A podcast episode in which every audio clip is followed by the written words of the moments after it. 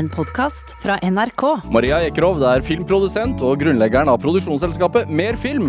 Ekerhov er selvlært, og hennes første prosjekt, kortfilmen 'Sniffer', ble hedra med Gullpalmen i Cannes i 2006. Siden den gang har hun produsert en rekke publikums- og kritikerfavoritter, som 'Hva vil folk si?' og 'De uskyldige', og nå er hun aktuell med norgeshistoriens dyreste film, 'Krigsseileren'. Dette er Drivkraft med Vegard Larsen i NRK P2. Maria Ekerovd. velkommen til Drivkraft. Tusen, tusen takk. Veldig glad for å være her. Er det, er det dagen derpå i dag? Føles det sånn? Nei, det føles ikke sånn. Eh, Det er liksom starten på, på en reise. Vi har jo eh, Vi hadde stor premiere på Krigsseileren på fredag i Bergen. Så lørdag var det dagen derpå. Men uh, i går var det jo da uh, ble det klart at uh, Krigsseileren blir Norges Oscar-kandidat. Som vi selvfølgelig er utrolig takknemlige for, og ser på som en stor anerkjennelse av filmens kvaliteter. Og så er det jo en kjempemulighet til å få historien om krigsseilerne ut i verden. Og det har jo på en måte vært drivkraften vår der fra vi begynte med prosjektet. For min del i 2016, mens manusforfatter eh, og regissør Gunnar Vikene, han begynte på dette prosjektet for flere tiår siden. eh, Og så kom han til meg med det i 2016. Og da sa jeg først at du trenger ikke komme til meg med noen krigsfilm, Gunnar, fordi jeg er ikke interessert i det. Jeg syns det allerede har vært laget nok eh, filmer fra andre verdenskrig. Ja. Eh, så sa han ja, ja, men du får jo bare lese manus, da. Eh, og jeg husker fortsatt hvor jeg satt når jeg eh, leste det manuset. Jeg gikk og leverte i barnehagen, og så satte jeg meg eh, på Jussbygg i Bergen, og da ser man utover hele innseilingen til Bergen, og man ser over til Laksevåg. Og så leste jeg manuset, og så gråt jeg og gråt jeg og gråt jeg, og så skjønte jeg at dette er ikke en krigsfilm, det er en antikrigsfilm, og det er en historie som er relevant i dag, og som ikke har vært fortalt før på film, og som virkelig må fortelles. Så da begynte den lange jobben med å skaffe de, det som til slutt ble 110 millioner som skulle til for å lage filmen, da. Det var et langt svar. Ja. Du snakker med en bergenser. Det blir lange svar. Ja. Er det? Men du satt på en var det, Er det en kafé du satt På, på Jusbyggen. Nei, det er lesesal. Altså, eller det er jo det er en altså, jusbygget det er på Universitetet i Bergen sitt Mm, jusbygg? Ja. som Dragefjellet, så der er det kantine. Eh, og der ser man utover innseilingen. Og det er bare fordi at barnehagen som sønnen min gikk i, da er nabobygget til Jussbygget. Ja. Så da, det var liksom første stedet jeg kunne sette meg inn og lese, så da satte jeg meg der. Men det, altså når man leser manus, så er det jo Jeg antar at han hadde også skrevet det som et filmmanus? Han hadde skrevet det som et filmmanus på 120 sider. Ja.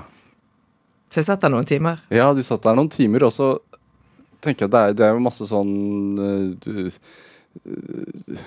info om diverse. Det er, det er ikke som å lese en bok.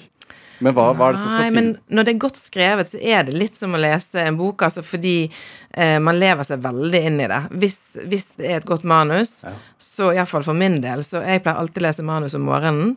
Fordi at da er jeg ren, på en måte. Da kan jeg gå inn i det helt uten å være påvirket av andre ting som forstyrrer. Leser du alltid eh, fra start til slutt? Da leser jeg alltid fra start til slutt.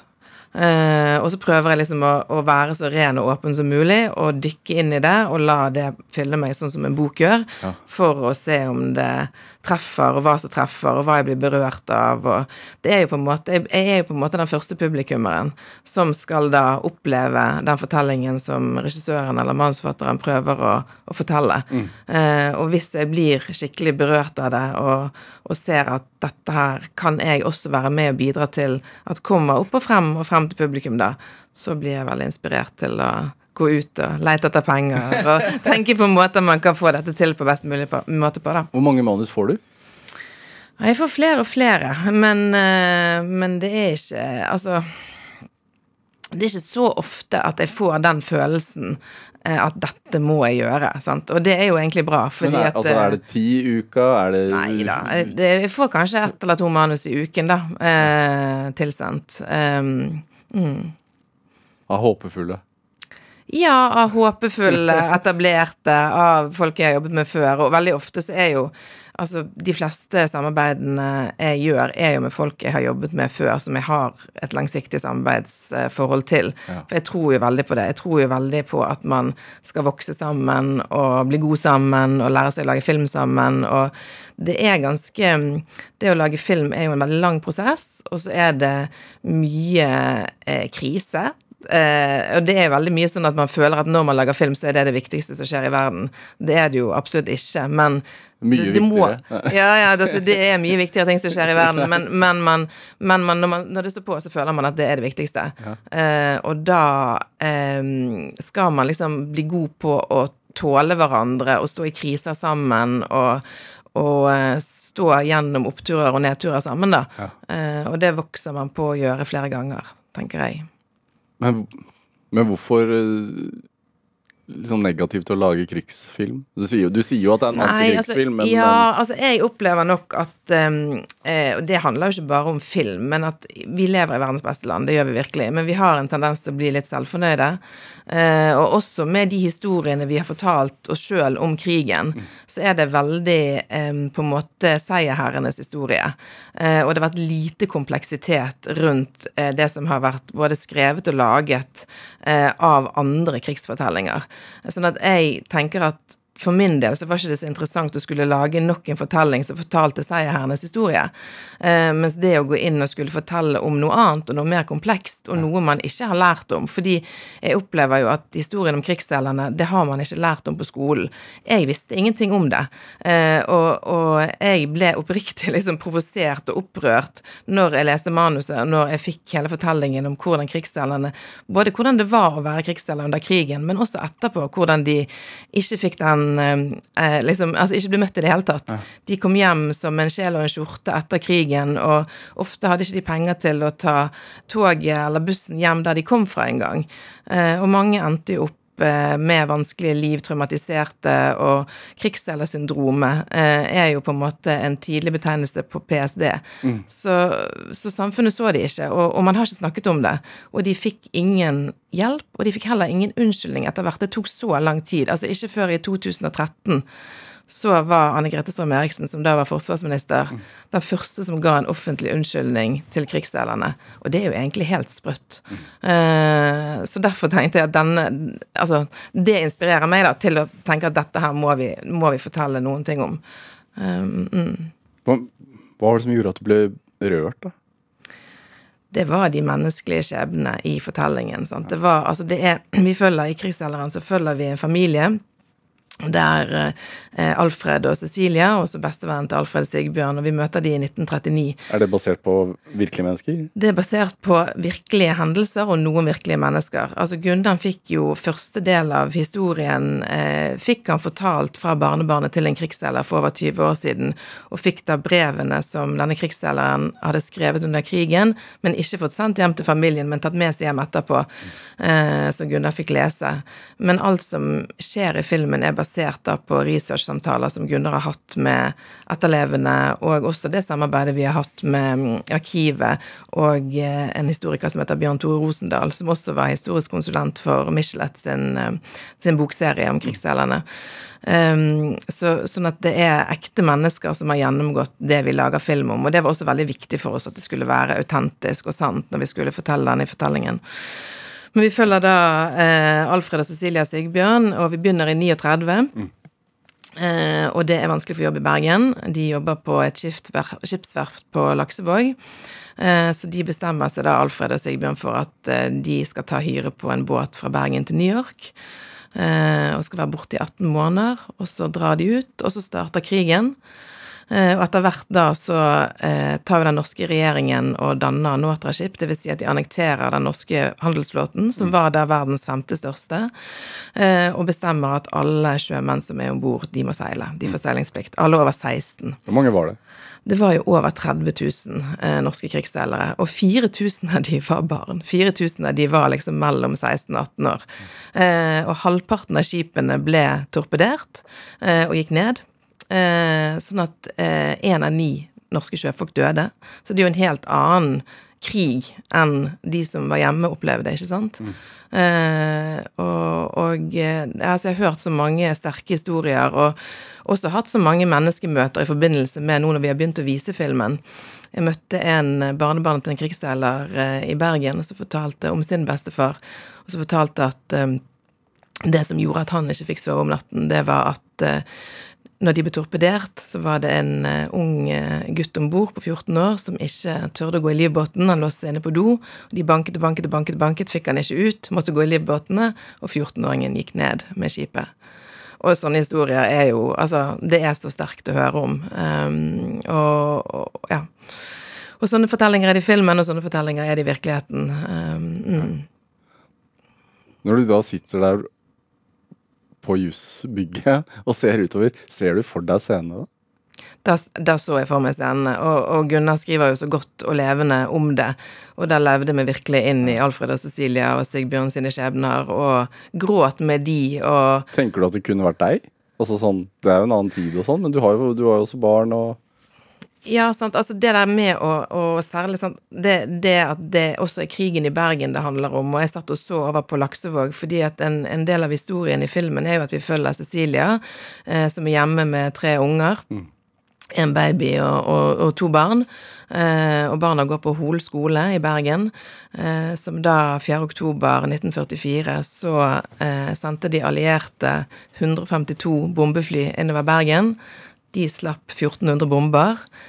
Bombene traff da barneskolen Hol skole, og 61 eh, elever ble drept. Mm. Dette er det ingen som vet. Det er ingen som har hørt om at det er også en del av krigen i Norge. At de allierte bombet Bergen fordi at Bergen var jo da okkupert av tyskerne, og tyskerne hadde bygget en stor ubåtbunker mm. på Laksevåg. Eh, fordi at det er ikke seierherrenes historie. sant? Og jeg håper virkelig at eh, filmen kan bidra til at den historien kommer frem, mm og at det kommer inn i skoleverket. Eh, at man liksom også lærer om at krig er komplekst, eh, og det å, å være vanlig menneske i krig, det er eh, forferdelig, og det er forferdelig eh, på en måte som går i generasjoner. Og så er det jo også folk som opplever det i dag, ikke sant. Og det er jo Det visste vi jo selvfølgelig ikke da vi laget filmen, men faktisk, når Gunnar skrev manuset, så var det jo eh, krigen i Syria. Eh, så han, han brukte mange bilder som han hadde sett på TV-nyhetene, eh, inn i filmen når Hol skole var bombet. Så noen av de bildene vi tok da, de var eh, på en måte fra TV-bildene Gunnar hadde sett fra krigen i Syria. Mm. Og nå når det er krig i Ukraina, sånn, så føles det jo så nært og relevant, og folk opplever dette i dag. Og, og det å liksom skape bevissthet om hvordan vi møter de menneskene som eh, opplever det, det er kjempeviktig. Dette er Drivkraft med Vegard Larsen i NRK P2.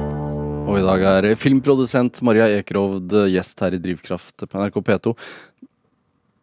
Når du har lest da manus, og du var i utgangspunktet litt skeptisk, ringer du da Gunnar Viken og sier sånn Ja, ok, kanskje, kanskje det er noe her, eller hvordan funker det der? Ja, akkurat i dette tilfellet så ringte jeg Gunnar med en gang jeg var ferdig å lese og sa at ok, dette må vi bare lage, dette må vi få til. Ja. Eh, dette, dette vil jeg gi alt for. Eh, fordi eh, Ja det visste, visste jeg med en gang jeg hadde lest det. Men jeg tenkte jo at det var, altså, det var et langt lerret å bleke. Ja, da svarer han at 'dette blir dyrt, Maria'. ja, ja, ja, ja, noe sånt. Ja, og det ble det. Ja. Eh, nei, og han visste jo det. Eh, og, men det er jo på en måte kanskje det som er min liksom, drivkraft. da, At når jeg, når jeg, blir så berørt av noe og blir så engasjert i noe, så tenker jeg at ja, men det, det skal vi bare få til. Mm. Er, hvor, hvor lang er den oppoverbakken?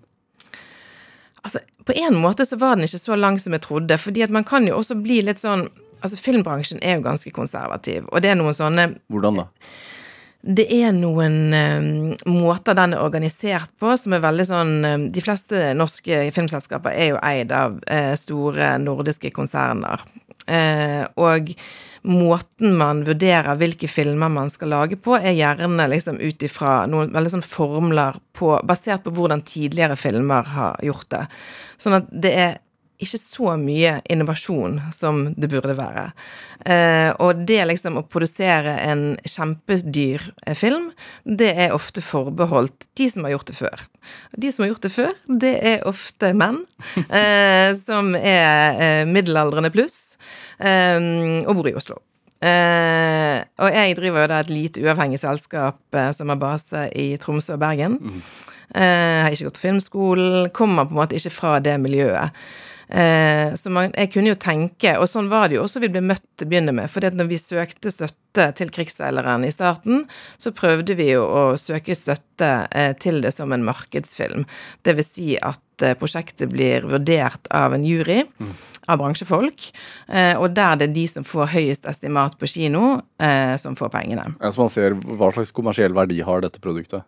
Eh, korrekt. Ja. Eh, og da er jo også hvem som står bak, veldig viktig. Eh, og vi ble jo da vi, tror vi søkte fire ganger, sablet ned hver gang fordi det var meg og Gunnar som sto bak. Eh, fordi det var sånn Nei, men de her folkene, de, har, de, de har aldri laget noe som har solgt så mye billetter, så det får de ikke til. Eh, men så når vi da begynte på oppgaven eh, for øvrig, så opplevde jeg jo at det var et sånt ekstremt engasjement blant alle jeg møtte, som ikke nødvendigvis var da filmfolkene, men alle de andre. Sant? Fordi at instituttet, altså Norsk Filminstitutt, har bidratt med 11 millioner i forhåndsfinansiering. Sant? Det er jo nesten bare 10% av budsjettet.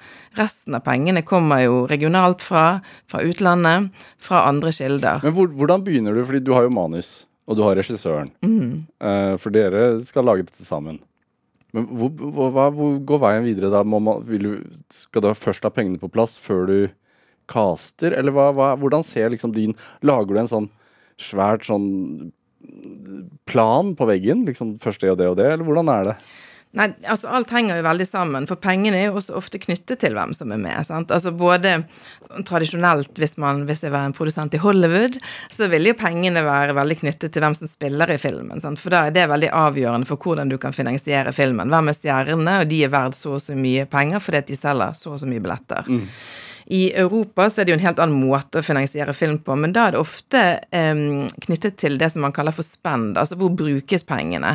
Uh, og så finnes det fond, regionale fond i, i Norge og f.eks. i Tyskland, der vi har fått penger, der man alt etter hvor man spiller inn filmen, eller hvilke fagsjefer man har fått med, også kan få penger. Altså vi har mange tyske uh, fagsjefer med på prosjektet. Eh, så det betyr at vi får penger. Og så har vi spilt inn filmen på Malta. Mm. Og i Tyskland og i Norge. Og på Malta så er det sånn at eh, alle pengene man bruker på Malta, det får man 40% tilbake. En sånn ja, finansieringsordning. Og det, og det er også grunnen til at man ofte ser eh, danske skuespillere i norske filmer, og motsatt, fordi at da er det lettere å få støtte fra de forskjellige ja, fondene. Det stemmer. Og så er det jo liksom det der som er kunststykket som produsent, er jo da hvordan å eh, skaffe de pengene, men ikke la det på en måte styre filmen for mye, sånn at man ender opp med det som man kan kalle for en europudding. Ikke sant? At filmen blir så styrt av finansieringen at valgene tas på bakgrunn av finansieringen. Og det har jo liksom vært noe som jeg har lært meg, at det, det, det, skal man unngå. Og det kan man helt fint unngå, men man må da være veldig bevisst på hvilke folk man velger i hvilke roller. Er det også møte med privatpersoner du gjør? Veldig mye møte med privatpersoner. Og i denne filmen så har det jo vært helt spesielt. Og altså Filmen endte jo opp med å koste 110 millioner, men altså den hadde jo egentlig kostet 200 millioner. Fordi vi har fått så mye gratis. Og vi har altså vi har Vi måtte altså på 110 millioner snu på hver krone, men i Bergen har vi jo nesten ikke betalt for noen ting. Altså vi har fått gratis location, gratis kontorer hatt en helt sånn ekstremt eh, engasjerte frivillige som har stilt opp eh, som statister, som har stilt opp med biler, som har stilt opp med Altså, det er helt Og det er jo fordi at historien treffer. Fordi folk føler at dette er en viktig fortelling å fortelle. Mm.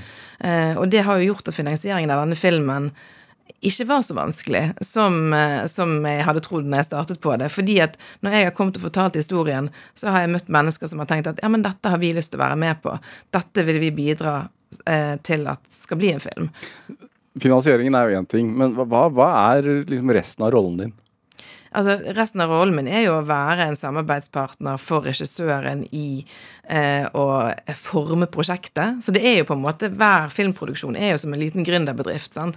Man skal på en måte lage noe fra eh, et manus, og så skal man bygge alle bestanddelene. Og regissøren er jo den kunstneriske lederen, men produsenten skal jo da både skaffe finansieringen, og så eh, styre den praktiske gjennomføringen av innspillingen, mm. og så av klippingen, og, og så få filmen ut på kino til publikum. Men for meg så er jo det der samarbeidet med regissøren, at det er liksom vi to som står sammen og lager filmen sammen, eh, og lager prosjektet sammen, og definerer premissene for eh, prosjektet sammen, mm. det er det avgjørende for at jeg både liksom klarer å bidra bra eh, og, og, gjøre en god jobb, men også for at jeg liksom virkelig finner drivkraften i prosjektet, da. Mm. Så regissøren er på en måte arkitekten, og så er du ingeniøren som regner på alt det mm. rare den arkitekten vil bygge. Absolutt, det kan man godt si. Og som da også kan, kan, si at liksom, ja, men kanskje hvis du bruker disse vinduene, så får du mye mer for pengene, eller hvis du Altså, mm. vi, det er jo på en måte noe med å gjøre de rette valgene for prosjektet, eh, som man diskuterer veldig mye sammen. Sant? Altså, vi hadde jo på Krigsseileren f.eks. så har vi jo en helt fantastisk fotograf som heter Sturla Brandt Grøvelen, eh, som var som både for meg og Gunnar helt sånn avgjørende for at ja, men vi, vi må få Sturla med på prosjektet. Og det var jo en lang prosess, fordi han er jo en av verdens mest ettertraktede fotografer etter hvert. Han eh, filmet jo Thomas Winterbergs Et glass til, som vant Oscar. Mm. Um, ja, har gjort utrolig mye fint. Uh, og, og uh, vi måtte liksom virkelig ha en lang prosess for å overtale han til å tro på oss og tro tro på prosjektet. Og det er jo en, en del av det som er, jeg syns er veldig inspirerende med å være produsent. Det er jo når man kan bidra til at gode folk finner sammen, og man bygger det beste teamet, man legger de beste forutsetningene til grunn for at filmen kan bli best mulig, da. Mm. Og hele tiden ha en sånn mål om å lage bedre og bedre filmer og lære fra hver hvert prosjekt man gjør, hver prosess man er gjennom, hvordan kan man skru det til for at det skal bli enda bedre og nå enda flere og ja. Hva, hva, hva er et godt team, da? Altså sånn, Rent bortsett fra at de er dyk, også dyktige når det gjelder kvaliteten, men sånn Det er jo også at de er gode folk, da, fordi at det er jo det der å skape den uh, familiefølelsen. Skape en følelse av at man uh, gjør det sammen, at alle har eierskap til prosjektet, at ikke det er noen for store egoer som ikke Eh, kan samarbeide med andre. Og der har jo Altså, filmbransjen har jo endret seg veldig siden jeg startet, sant? fordi eh, hele kan man si, metoo, og ikke bare det som handler om det seksuelle med, med metoo, men hele den følelsen av at man nå i mye mye større grad er bevisst på hvilke posisjoner man har, hvordan man snakker til andre folk, hvordan man oppfører seg i en sammenheng. Eh, det, altså, det har vært helt sånn forandrende på en veldig positiv måte, da. Mm. Eh, for det Altså, det er jo i gode arbeidsmiljøer man kan lage de beste eh, resultatene, også kunstnerisk. Og det er liksom en myte, det der med at, at eh, man, eh, man, får de beste resultatene ved å ha en forferdelig innspilling. Det har jo ofte vært en myte. Hvis, hvis innspillingen er forferdelig, da blir filmen god. Det har vært en sånn saying i filmbransjen. Det tror jeg ikke på, da. Det tror jeg ikke på i det hele tatt. Har du noen sånne triks for å skape eh, målrettet og godt samarbeid? Ja, altså for oss i Merfilm så er det kjempeviktig, og jeg tror at vi eh, jobber veldig mye med å inkludere alle i de prosessene vi har. Eh, og få folk til å føle eierskap, og få folk til å føle at de kan gi noe ekstra til det prosjektet. Og ofte velger jo vi prosjekter som har på en måte et sosialt innhold, eller som har noe viktig å formidle også, da. Mm. Og det gjør jo ofte at folk hekter seg ekstra på og føler at dette er viktig å bidra til. Hvorfor er det viktig for deg? Fordi at jeg tenker at uh, det er liksom todelt. Fordi at på den ene siden så er jeg jo skikkelig filmnerd, uh, og har lyst til å lage den best mulige filmen på rent sånn filmatiske uh, premisser. Men på den andre siden så er det på meg så er det viktig Så føler jeg at film har en kraft til å kunne endre, eller til å kunne påvirke. Og, og, den kraften skal man forvalte med respekt, da. Og det når man ser Når man har vært med på å lage en film, og det var jo veldig sånn samarbeidet mitt med Iram Haq, som eh, jeg har produsert eh, 'Jeg er din' for, og 'Hva vil folk si'? Eh, det å se hvordan 'Hva vil folk si', hvor mye den betydde for folk, og hvordan det hadde en så utrolig positiv påvirkning på veldig mange enkeltmennesker. Hva handlet den om? Hva sa du? Ja, Hva handlet den om? Den handlet om eh, en eh, jente som blir eh, kidnappet av foreldrene sine og forsøkt tvangsgiftet i, i, Pakistan. Og var jo basert på Iram sine egne erfaringer. Eh, en uh, utrolig sterk historie om, om, det, og som da både hadde liksom sosial eh, eh, Altså som handlet om sosial kontroll, men som handlet om sosial kontroll i i selvfølgelig i miljøer eh, med minoritetsbakgrunn, men også i alle foreldre-barn-forhold, og, og eh, ja. Og ikke nødvendigvis en film man tenker at folk vil renne ned kinoene for å se. Nei, sant? men der vi fikk det til. Ja. Eh, og der det var filmens eh, kraft, da. Fordi den hadde jo et langt, langt liv på kino, og folk snakket om den, eh, og den betydde noe. Og så fortsatte den og fortsatte den og fortsatte den. Eh, og den opplevelsen av å være med på noe sånt, det gjør også at man blir inspirert til å ja, prøve å og liksom åpne opp for at det skal komme flere historier som har et annet perspektiv enn det som vanligvis blir fortalt. Og vi har jo nå sammen med Talent Norge eh, laget et talentprogram der vi prøver å invitere inn eh, stemmer som ikke nødvendigvis har eh, kommet til orde i det offentlige eller har fått lov å lage film, og prøver å finne nye fortellinger, heter programmet, som vi kan få ut til publikum. Fordi at det også er viktig for deg. Hva gjør det at du kan legge deg liksom med god samvittighet? For man jobber jo mye som filmprodusent. Man jobber mye som filmprodusent, og man må virkelig føle at det er en mening med det utover bare det å jobbe. Men, eh, men sant, altså, og kan, den meningen kan man også få ved å lage noe som er kunstnerisk interessant, da, og som ikke på en måte har en sånn skal forandre verden-innhold. Eh, man kan også få den opplevelsen av at dette er viktig fordi at det er noe som har ren kunstnerisk kraft.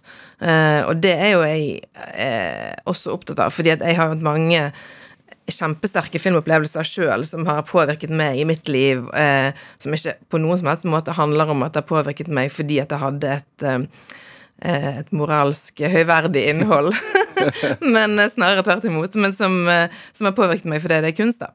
Som hva? Nei, altså første, første sterke, sterke, sterke filmopplevelsen min eh, var jo da dessverre foran et TV-apparat. Eh, Jeg elsker film på kino, så det er synd å måtte si det, men eh, jeg vokste opp eh, som enebarn, eh, og eh, var veldig, veldig glad i å se på TV.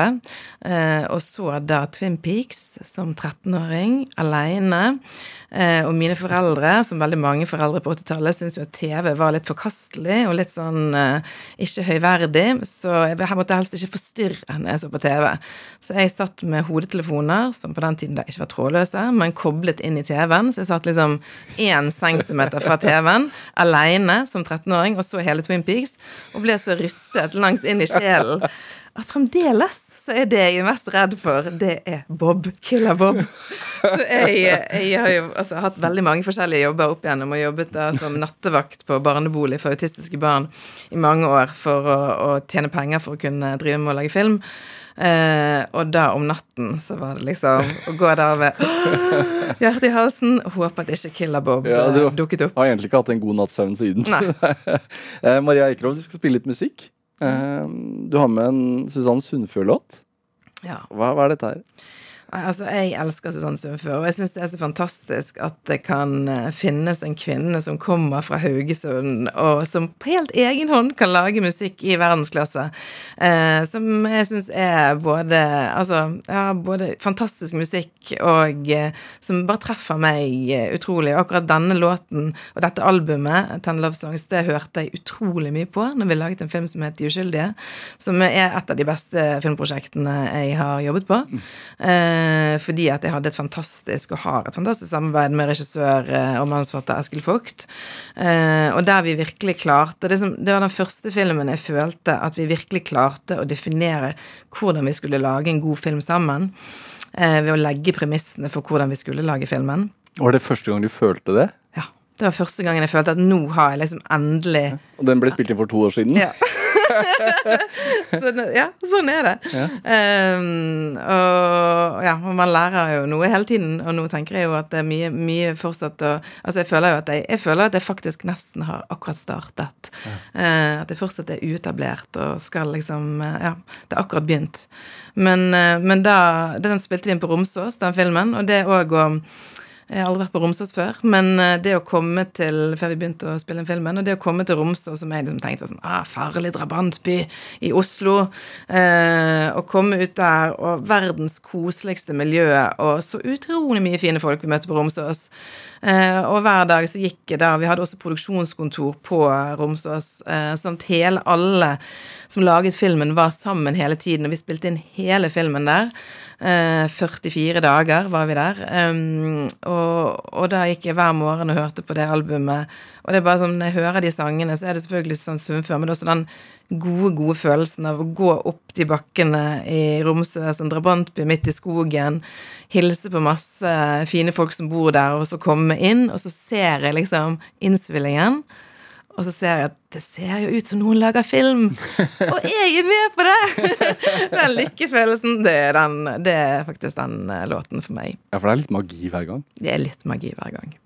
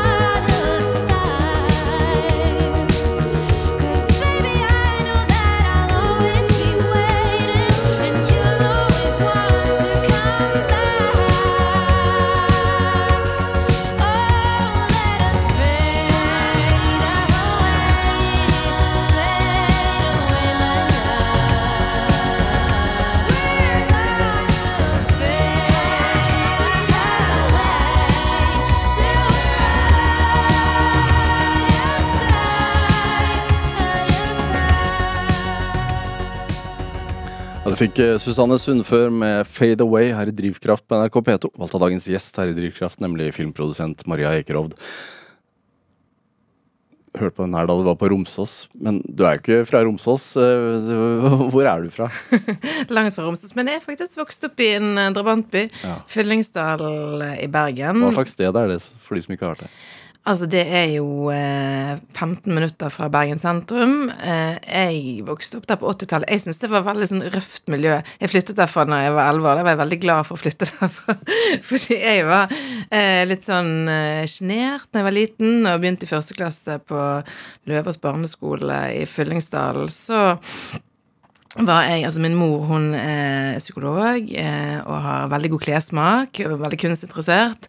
Eh, hun hadde kledd meg da opp. Da hadde jeg, var jeg liksom De var jo 70-talls eh, radikale, så jeg var da kortklipt eh, og veldig kjønnsnøytral. Kledd i noe sånn eh, kule eh, Laura Ashley eh, batikkvest eller noe sånt, og fløyelsbukser. Og det kan tenke deg på 80-tallet i Fyllingsdal så var det liksom kanskje det verste du kunne komme med første skoledag.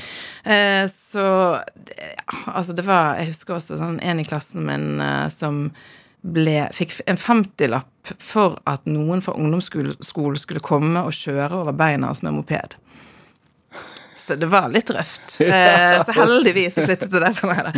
Men eh, ja, så flyttet jeg til Bønes da jeg var elleve, som var litt mer eh, litt mer litt mer sivilisert. Ja. Du, du, sa før vi spilte låten her at du så mye TV, men TV var liksom litt fy-fy hjemme. Mm, det ble sett på som lavkultur. Hva, hva var riktig kultur, da?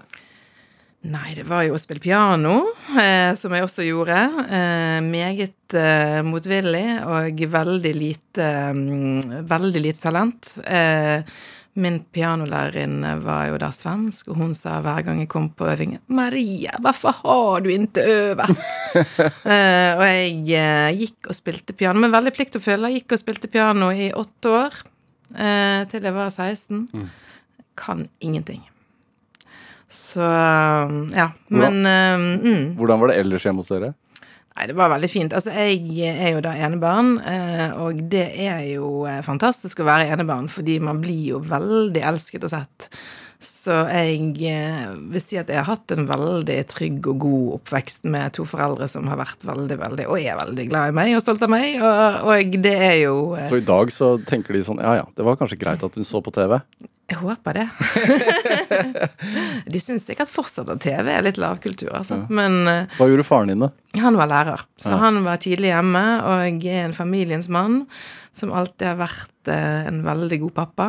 Foreldrene mine ble skilt uh, da jeg var 21, så han har to barn til nå vært en veldig god pappa for de også. Så han Ja, jeg tror han, han er virkelig en sånn som har satt familien fremst, da. Ja. Eh, og, og, det har vært veldig fint. Så da han var stort sett hjemme når jeg kom hjem og, og laget middag, og mens mamma var mer ambisiøs karrierekvinne eh, som ja. psykolog. Mm. Feminist.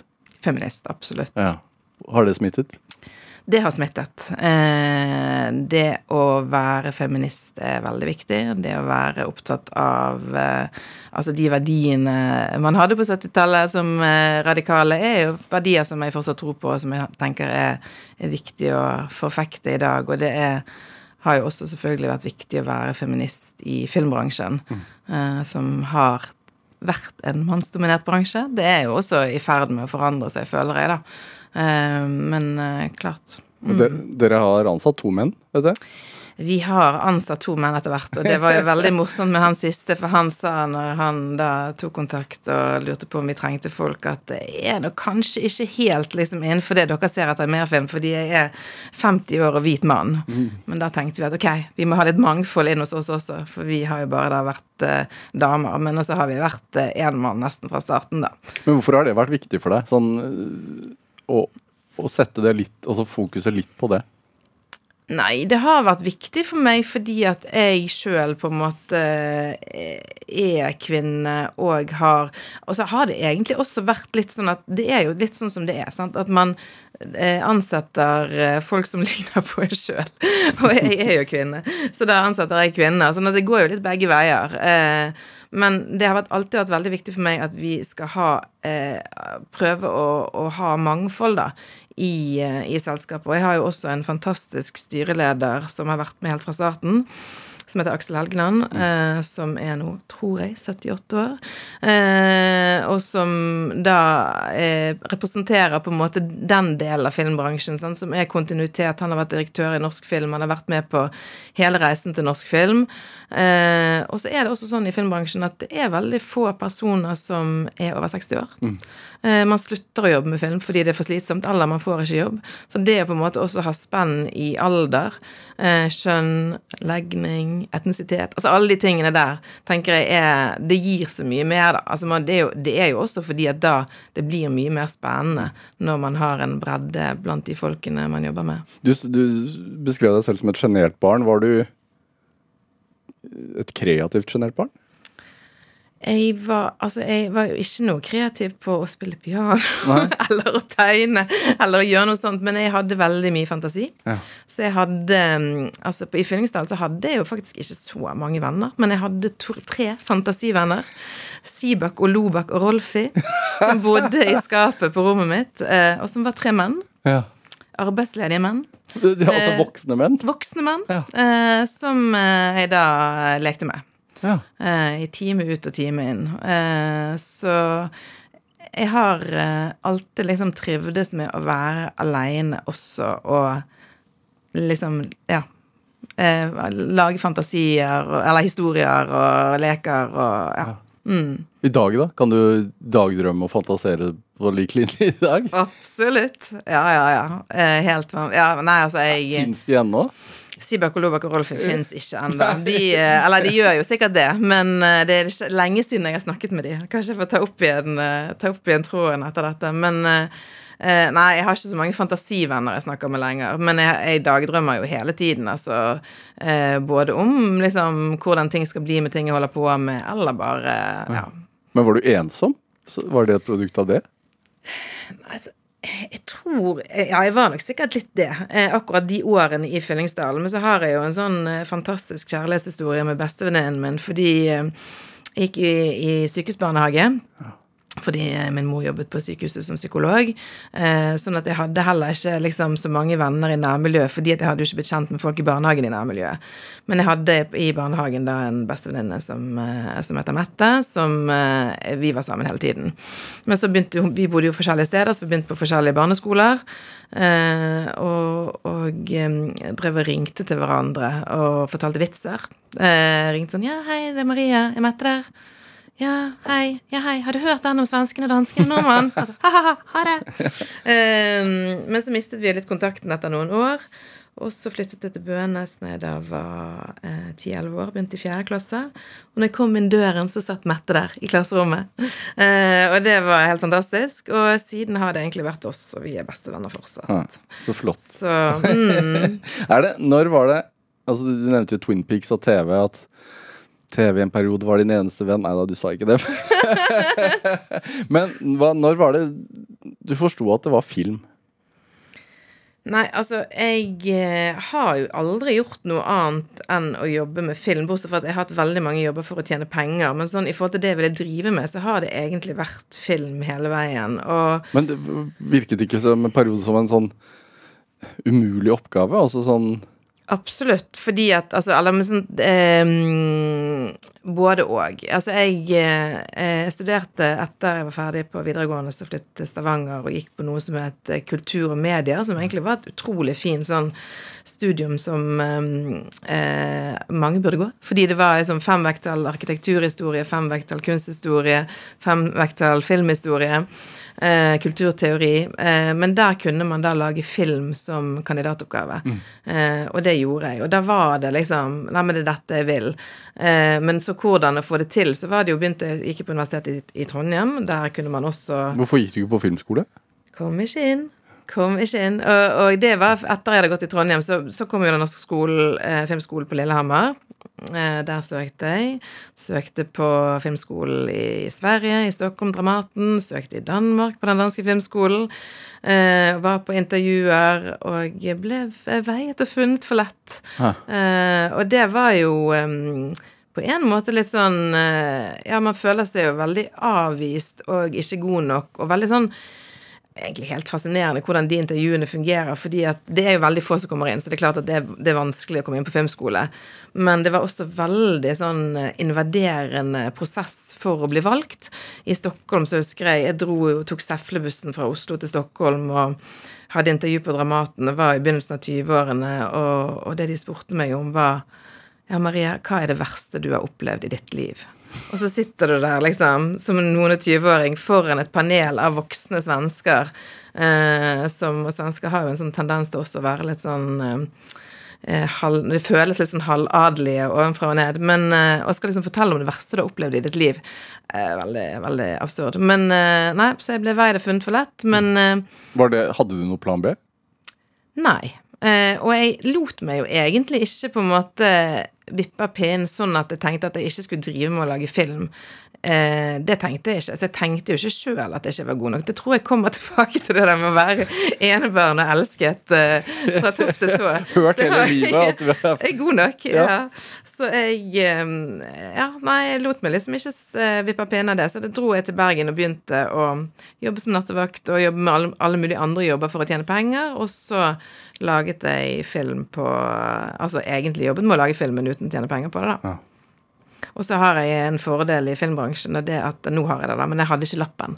Fordi det er jo liksom det første man spør om når man skal ansette noen til å jobbe på en film som assistent, det er har du lappen. Mye logistikk. Mye frakting. Ja. Men jeg hadde ikke lappen, så da måtte jeg bare liksom stige litt raskt i gradene. eh, og, og begynne som eh, produksjonsleder og produsent og ja. ja, For du begynte med det rett og slett bare å banke på dører. Sånn kan jeg få lov til å være med. Ja, det var egentlig Det er et veldig fint filmmiljø i Bergen. Det er veldig sånn åpent, og folk hjelper hverandre. Og det var jo mange som var i min situasjon, at ikke de var ønsket på filmskoler eller i noe etablert filmmiljø. Så vi fant sammen. Um, og, og liksom den første filmen jeg ordentlig produserte, det var jo en film som heter Sniffer.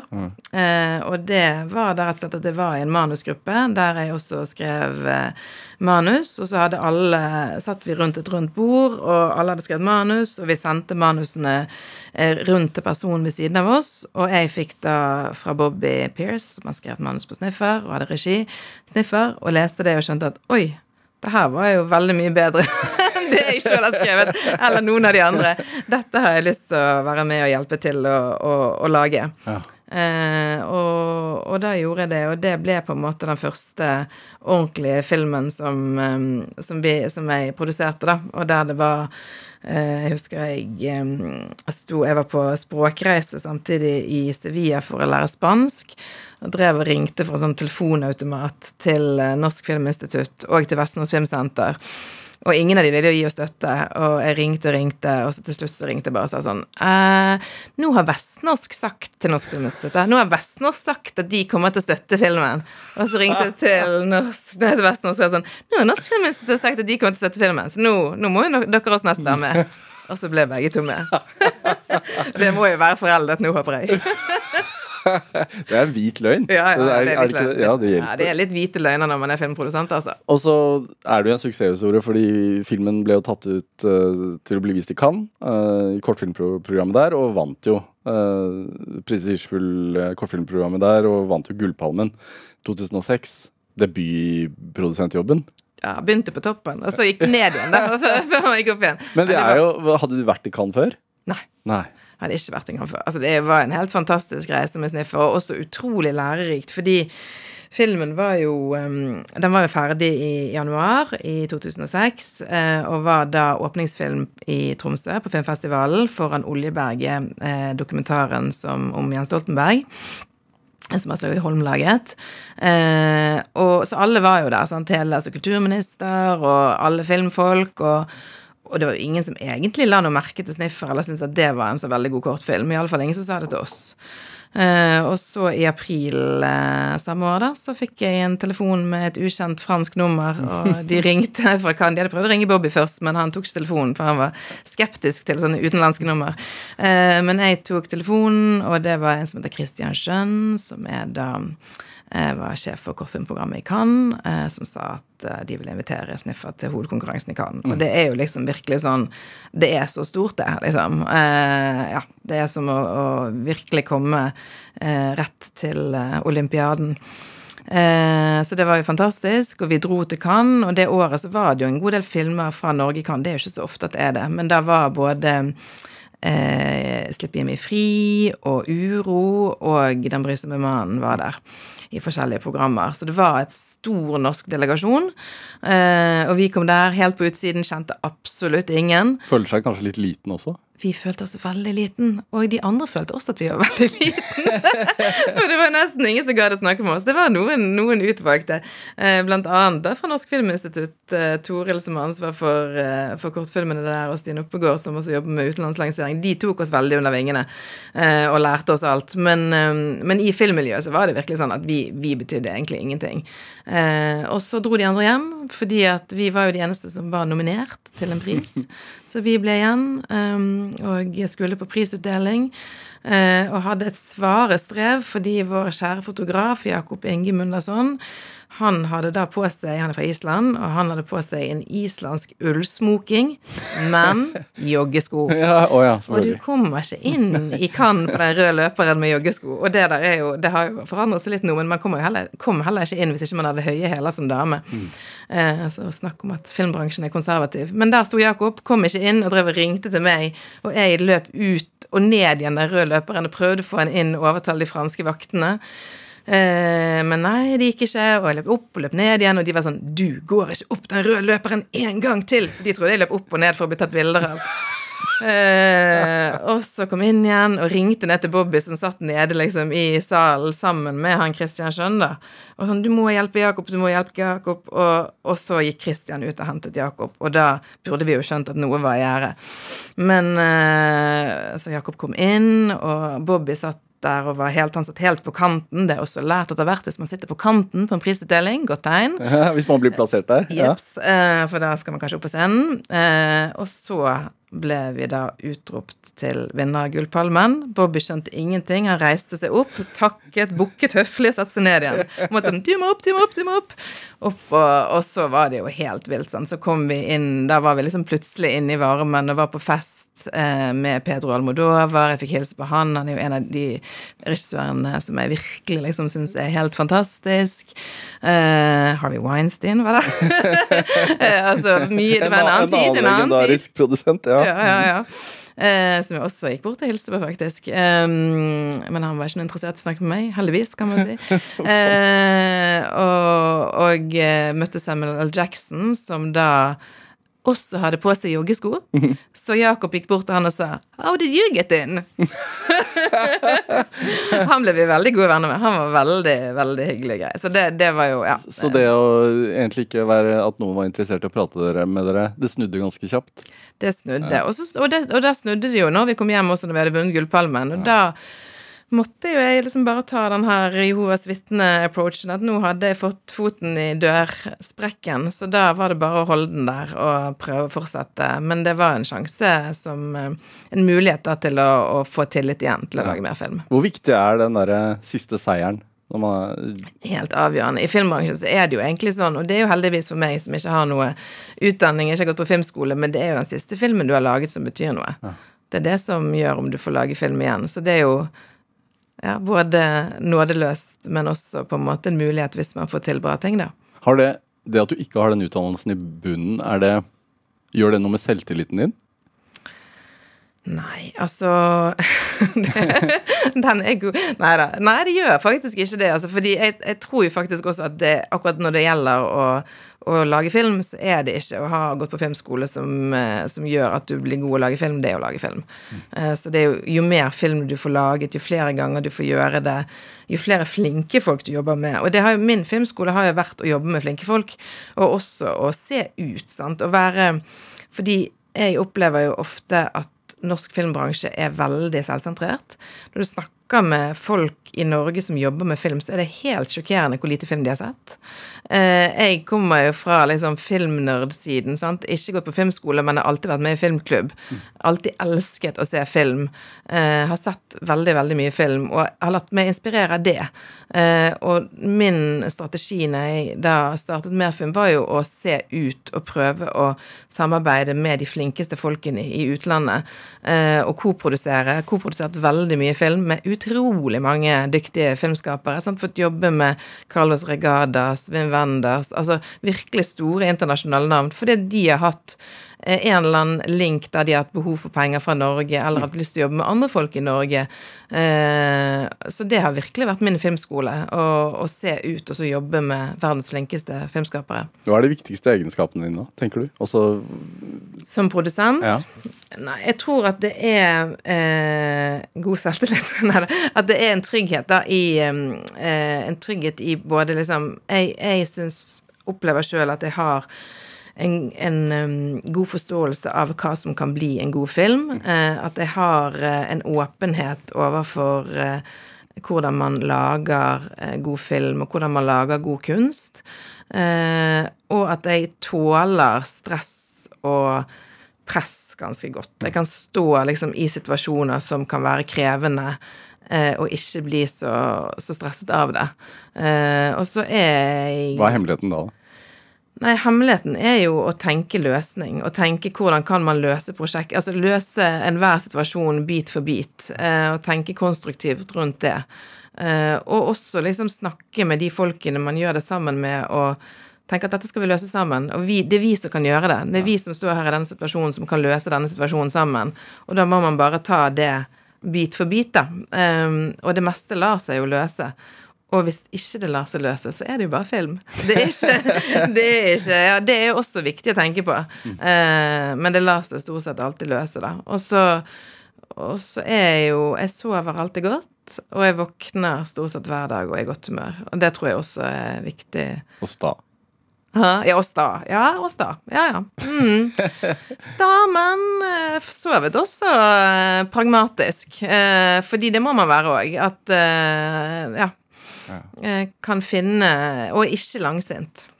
Ikke Altså, kan krangle som en god bergenser, men eh, ikke sur lenge. Maria Ekerov, hva, hva, hva er drivkraften oppi det hele? da? Nei, det er for min del, tror jeg, nysgjerrighet og liksom ønske om å være med og bidra. Kanskje det kommer tilbake til de her 'ingen venner'. Jeg vil være med i gjengen. Nei, men det å være med og bidra til å lage noe som jeg tenker kan bli eh, skikkelig bra, da, og som, som jeg ser at eh, jeg også kan være med og, og gi noe til for at det skal bli bra. Og den der gründer Jeg tror det er liksom veldig sånn den gründerfølelsen av at man kan eh, Ja, at man skal få noe til å vokse sammen. Mm. Hva føler du da, når eh, folk applauderer på premieren første gang mm, filmen din blir vist? Da blir jeg jo veldig glad, eh, selvfølgelig, og, og lettet, ikke minst, fordi man er alltid liksom supernervøs for hva folk kommer til å synes. Uansett hvor bra man syns noe sjøl, så er det noe med å liksom eh, ja, se at det berører og treffer publikum. Og det er jo derfor vi lager film. Det er jo for å berøre publikum. Ja. Maria Krav, tusen takk for at du kom til Drivkraft. og Lykke til med videre Oscar-løp. Det blir spennende å se. Tusen takk for meg. Hør flere samtaler i Drivkraft på nrk.no eller i appen NRK Radio. Send oss gjerne ris og ros og tips til mennesker du mener har drivkraft. Send en e-posten til drivkraft krøllalfa nrk.no. Vi hører veldig gjerne fra deg. Produsent i dag var Ellen Foss Sørensen, mens Camilla Bolling Muir bidro med research til denne sendingen. Dette var Drivkraft. Jeg heter Vega Larsen. Vi høres. En podkast fra NRK. Hei, jeg heter Eivind Sæther. I Havarikommisjonen finner vi ut hvorfor det er så vanskelig å være i et parforhold, og hva vi kan gjøre for å unngå at det havarerer. Det var så lett for oss å la være å ha sex. Jeg hadde ikke gitt opp håpet om at vi kunne redde dette her. Du får tips og råd fra noen av landets beste parterapeuter. Dette er god rådgivning! Endelig skjer det noe! Det er jo kjærlighet her. Podkasten Havarikommisjonen hører du først i appen NRK Radio.